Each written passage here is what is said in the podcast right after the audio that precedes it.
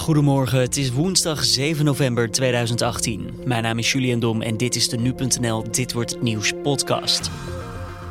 De Democraten hebben de meerderheid te pakken in het Huis van Afgevaardigden, maar de Republikeinen blijven wel de baas in de Senaat.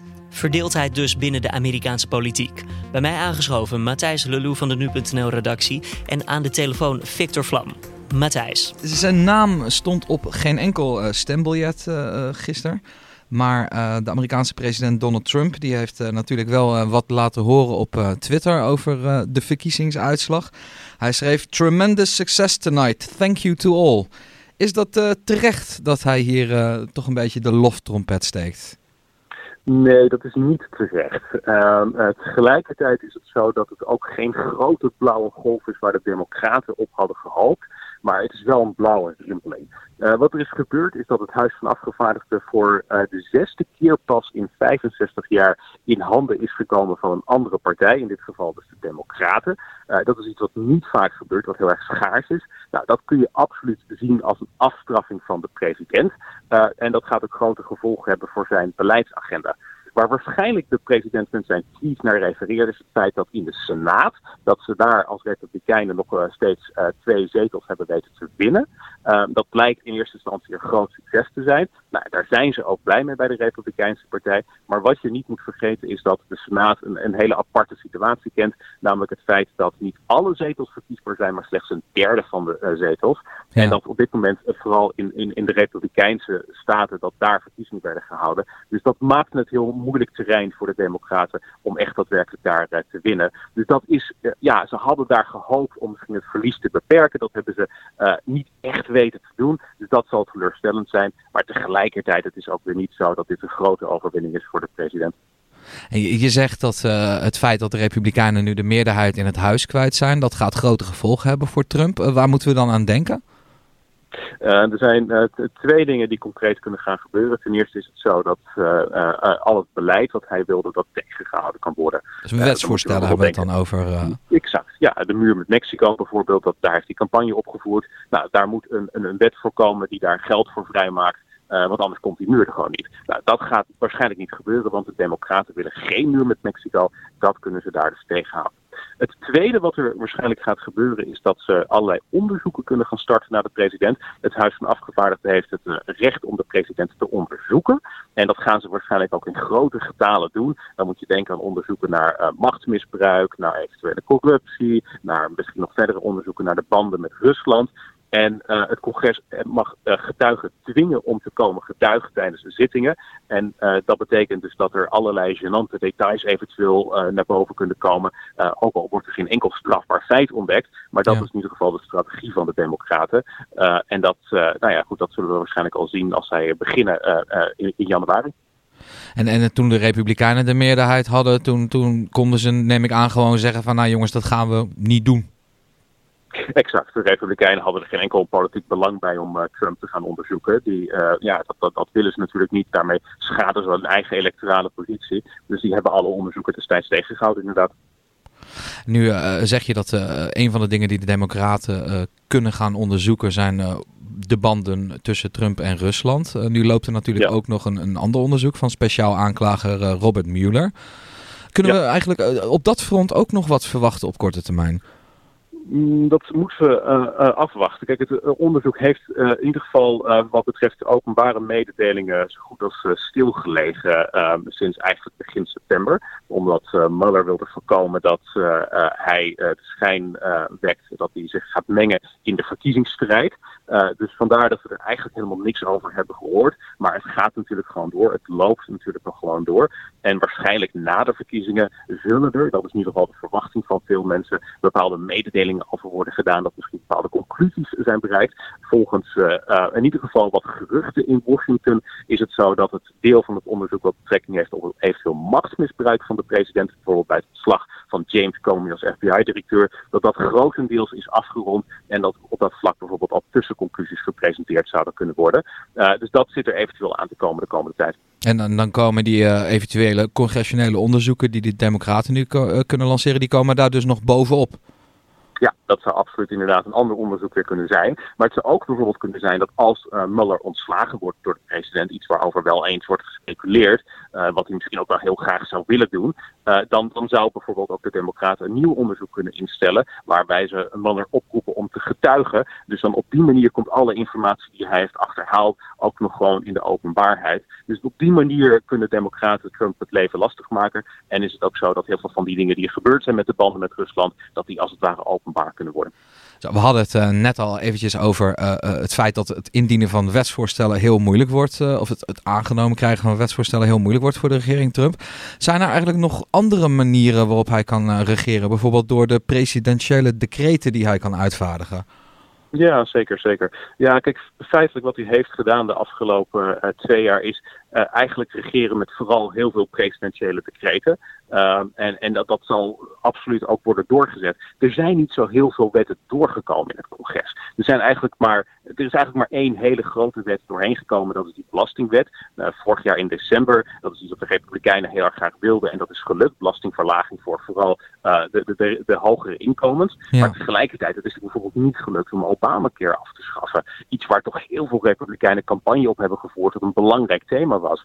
Dus Trump heeft het grootste deel van zijn succes geboekt. Gewoon door eigenhandig uh, op te treden en te doen wat hij vindt dat goed is zonder het congres. En dat gaat hij in zekere zin blijven doen. En, en kunnen de Democraten daar nu ook iets tegen te, te weerstellen? Kunnen zij iets aan die decreten doen? Nee, daar kunnen ze niet zoveel aan doen, want dat zijn allemaal beleidsterreinen waarop de president uh, onafhankelijke bevoegdheden heeft. Uh, dus uh, bijvoorbeeld zo'n inreisverbod voor moslims, dat is er gekomen, ja. mensen uit in ieder geval een aantal moslimlanden, dat is er gekomen via een presidentieel decreet. dat kan de president doen, dat heeft de richter inmiddels ook bevestigd. Daar kan je als congres dus eigenlijk niks aan veranderen. Goed, en dan nu heel wat anders. we zijn nieuwsgierig naar hoe jij als, als Amerika-kenner nou zo'n verkiezingsnacht doormaakt. Heb, heb je wel geslapen gisternacht? Uh, ik heb wel geslapen, ja. Ik hou zo ontzettend veel van verkiezingen. Ik vind het echt uh, geweldig. Dus ik, uh, heb, dit, dit zijn altijd mijn favoriete dagen. Het is een soort van feestdag eigenlijk.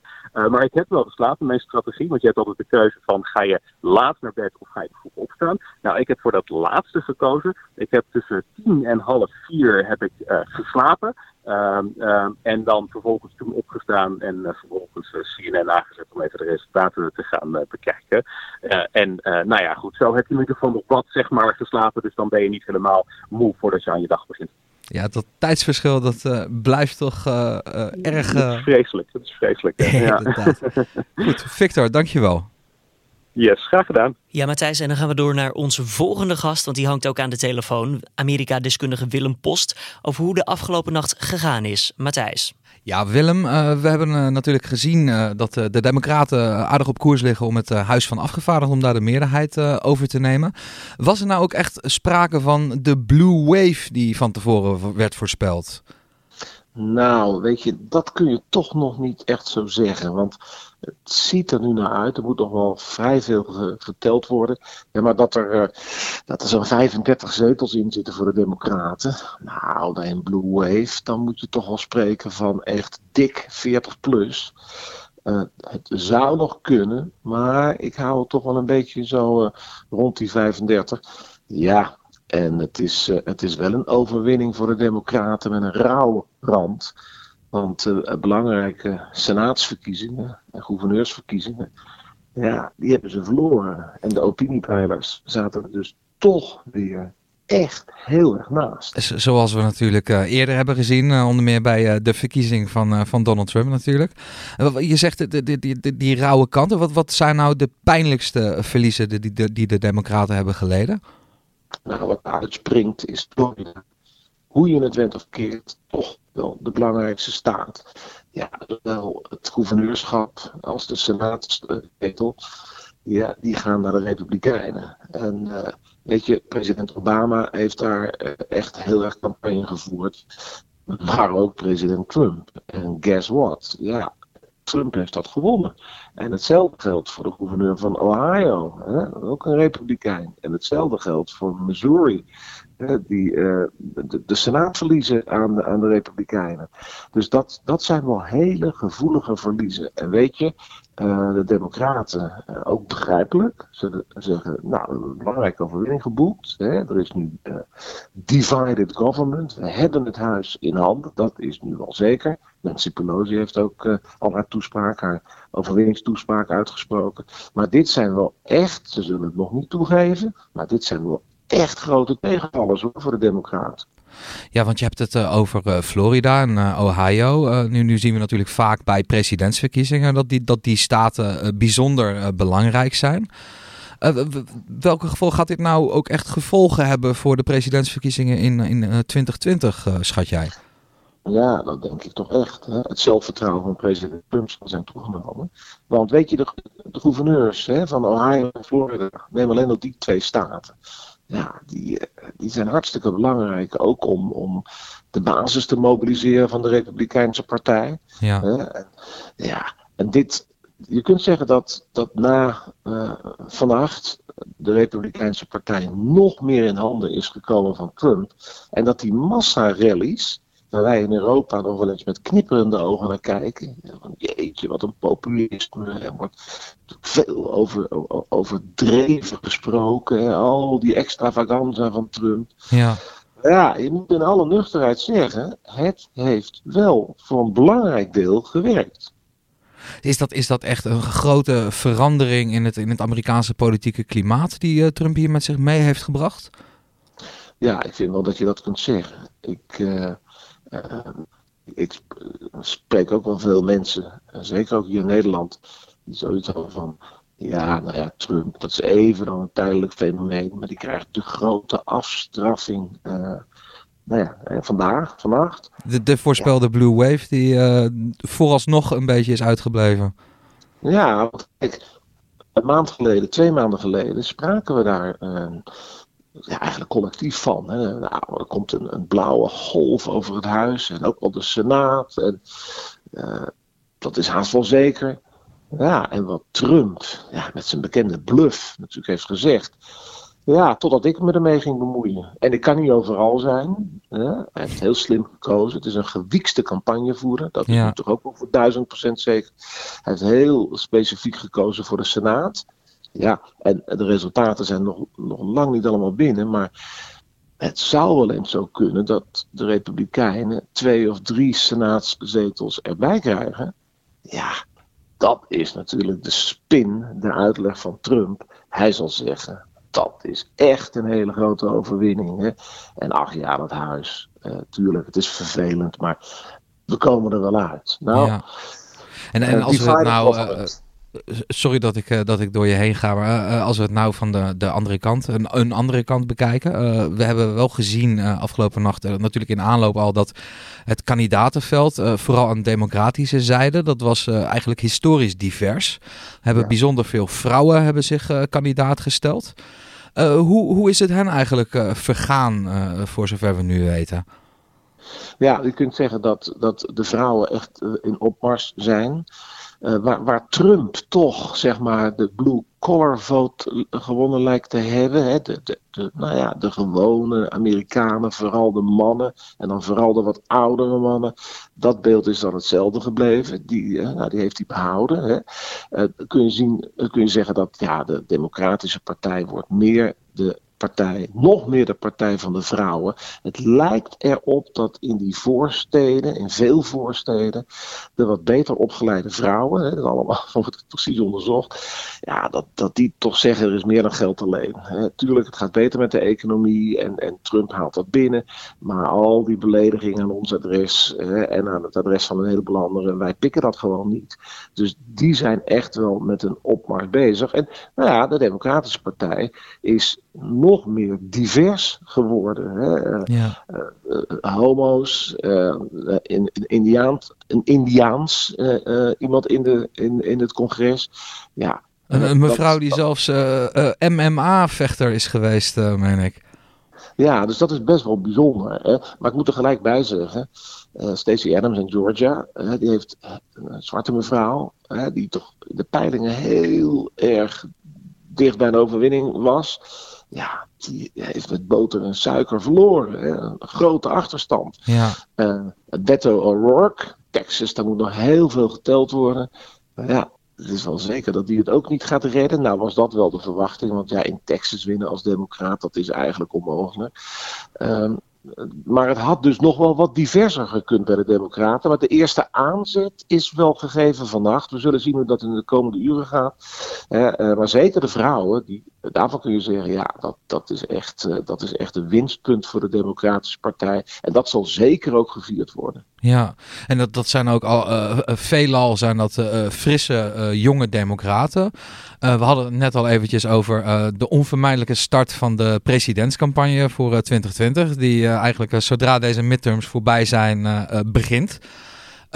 zie jij nou nog aansprekende kandidaten voor, voor de Democraten? Kun je daar al iets over zeggen? Ja, daar, daar zal het gesprek, ja, dat, dat is eigenlijk al losgebarsten. Nou, weet je, daar hebben de Democraten toch een groot probleem. Want het zijn zeventigers en tachtigers. Ja. Uh, nou ja, uh, uh, kijk eens aan Joe Biden, Elizabeth Warren. allemaal mensen van dik in de zeventig. Het, het wacht is natuurlijk op aansprekende jongere kandidaten. En die een heel ander profiel hebben dan Donald Trump. Want, ja, ja je, je sprak net al even over Beto O'Rourke in Texas. Die, die het af heeft gelegd tegen Ted Cruz. Maar toch beter heeft gedaan dan op voorhand werd verwacht. Na het zich nu aanzien. Kan, kan hij misschien wat uh, betekenen voor de Democraten? Ja, ik denk dat hij wel eens de grote hoop voor de Democratische Partij kan zijn. Want hij, heeft een hele bijzondere campagne gevoerd. En met kleine giften vooral. Heel veel geld opgehaald. Enthousiasme gegenereerd. Robert Kennedy-achtige uitstraling. En vergeet niet, hè, zeker bij de Democratische Partij is er een traditie van toch onbekende kandidaten die plotseling uh, nou ja, eh, in, in, de spotlight komen en dan ook nog president worden. Denk eens aan Bill Clinton. Ik herinner me nog goed in 1992. Bill hoe? Niemand kende hem, hè? De wonderboy uit Arkansas. Nou, ga zo maar door. Jimmy Carter was onbekend. Hè? Barack Obama was, een, was echt wel een behoorlijk onbekende senator. Ja. nog maar net senator. Dus ja, ik denk dat, uh, dat we vandaag zullen zien dat er een nieuwe ster geboren is in de Democratische Partij. En uh, hij zegt dat hij het niet gaat doen. Maar ja. Bedoel, dat zeggen ze wel vaker, hè? Als het volk een beroep op je doet, in het landsbelang. Nou, dat wordt, dat wordt wel ontzettend interessant wat er met Beto O'Rourke Beetje een rare naam, maar dat helpt ook. Want dan moet je het gaan uitleggen. Dan moet je zijn naam nog een paar keer gaan herhalen. Hè? Ja, ja dat, uh, dat is echt wel fascinerend. we gaan zijn uh, loopbaan met uh, veel belangstelling volgen. Willem, dankjewel. Geen dank. En dan nog even het weer van deze dag. Het begint zonnig en vrolijk als je naar buiten kijkt, maar gedurende de middag worden steeds meer wolken zichtbaar en verdwijnt de zon dus langzaam. S'avonds trekken er ook wat regenbuien over het land. Het wordt zo'n 15 graden. En dit was dan een speciale uitzending van de Dit wordt het nieuws podcast met als grootste onderwerp de Amerikaanse tussentijdse verkiezingen. Elke maandag tot en met vrijdag vind je ons op de voorpagina van nu.nl om 6 uur ochtends. Heb je zelf een reactie op de uitzending of misschien tips voor de redactie? Laat het ons dan weten via podcast.nu.nl. Mijn naam is Julian Dom en voor nu een hele mooie woensdag en tot morgen.